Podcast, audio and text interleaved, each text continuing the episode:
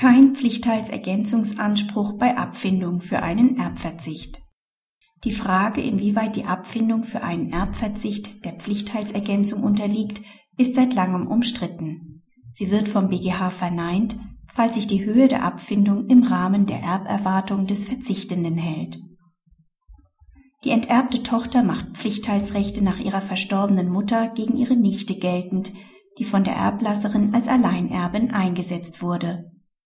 Die Schwester der Klägerin und Mutter der Alleinerben hatte in einem notariellen Vertrag in Vorwegnahme der Erbfolge gegen Übertragung eines Grundstücks ihrer Mutter sowie gegen Zahlung von 20.000 D-Mark durch ihren Vater auf ihre gesetzlichen Erb- und Pflichtteilsrechte nach beiden Eltern für sich und ihre Abkömmlinge verzichtet. Die enterbte Tochter macht Pflichtteilsergänzungsansprüche wegen der an ihre Schwester geleisteten Abfindung für den Erb- und Pflichtteilsverzicht geltend. Der BGH lehnt einen Anspruch aus 2325 BGB ab. Nach wohl noch herrschender Meinung in der Literatur stellt die Abfindung für einen Erbverzicht, soweit sie sich am Wert des Erbteils orientiert und nicht deutlich über ihn hinausgeht, keine Schenkung, sondern ein entgeltliches Geschäft dar. Soweit ein entgeltliches Geschäft vorliegt, ist der Anwendungsbereich von 2325 BGB von vornherein nicht eröffnet.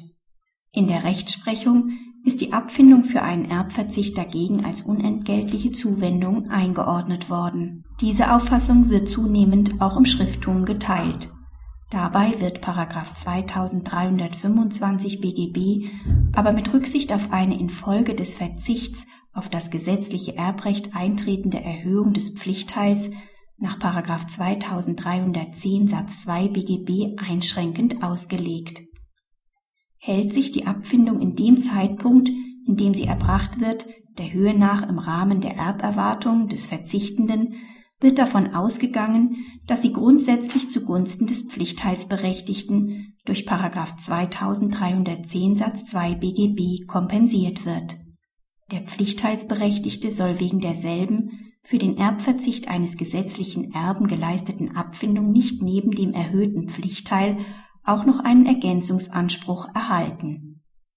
Eine Pflichtteilsergänzung komme danach nur in Betracht, soweit die Leistung des Erblassers an den Verzichtenden über eine angemessene Abfindung für dessen Erbverzicht hinausgeht. Danach kommt es im vorliegenden Fall nicht darauf an, ob die für den Erbverzicht gewährte Abfindung eine entgeltliche oder eine unentgeltliche Leistung war. In jedem Fall unterliegt der Pflichtteilsergänzung nach 2325 Absatz 1 BGB nur, was über ein Entgelt bzw. über eine angemessene Abfindung hinausgeht. Dabei ist auf den Wert des Erbteils abzustellen, auf den verzichtet wird, nicht etwa auf den Wert des dem Verzichtenden zustehenden Pflichtteils. Soweit dem Urteil des BGH vom 8.7.1985 eine andere Auffassung zu entnehmen ist, wird sie von dem für das Erbrecht zuständigen erkennenden Senat aufgegeben. Im vorliegenden Fall ist nicht ersichtlich, dass die Abfindung, welche die Schwester erhalten hat, nicht schon durch Erhöhung der Pflichtteilsquote der Klägerin nach 2310 Satz 2 BGB ausgeglichen würde. Aus dem notariellen Vertrag ergeben sich zudem keine Anhaltspunkte dafür, dass die Abfindung über den Wert der Hälfte des Nachlasses der Eltern hinausging, auf welche die Schwester verzichtet hat. Praxishinweis der Pflichtteilsverzicht lässt das gesetzliche Erbrecht unberührt und erhöht deshalb, anders als der Erbverzicht nach 2310 Satz 2 BGB, die Pflichtteilsquote anderer Pflichtteilsberechtigter nicht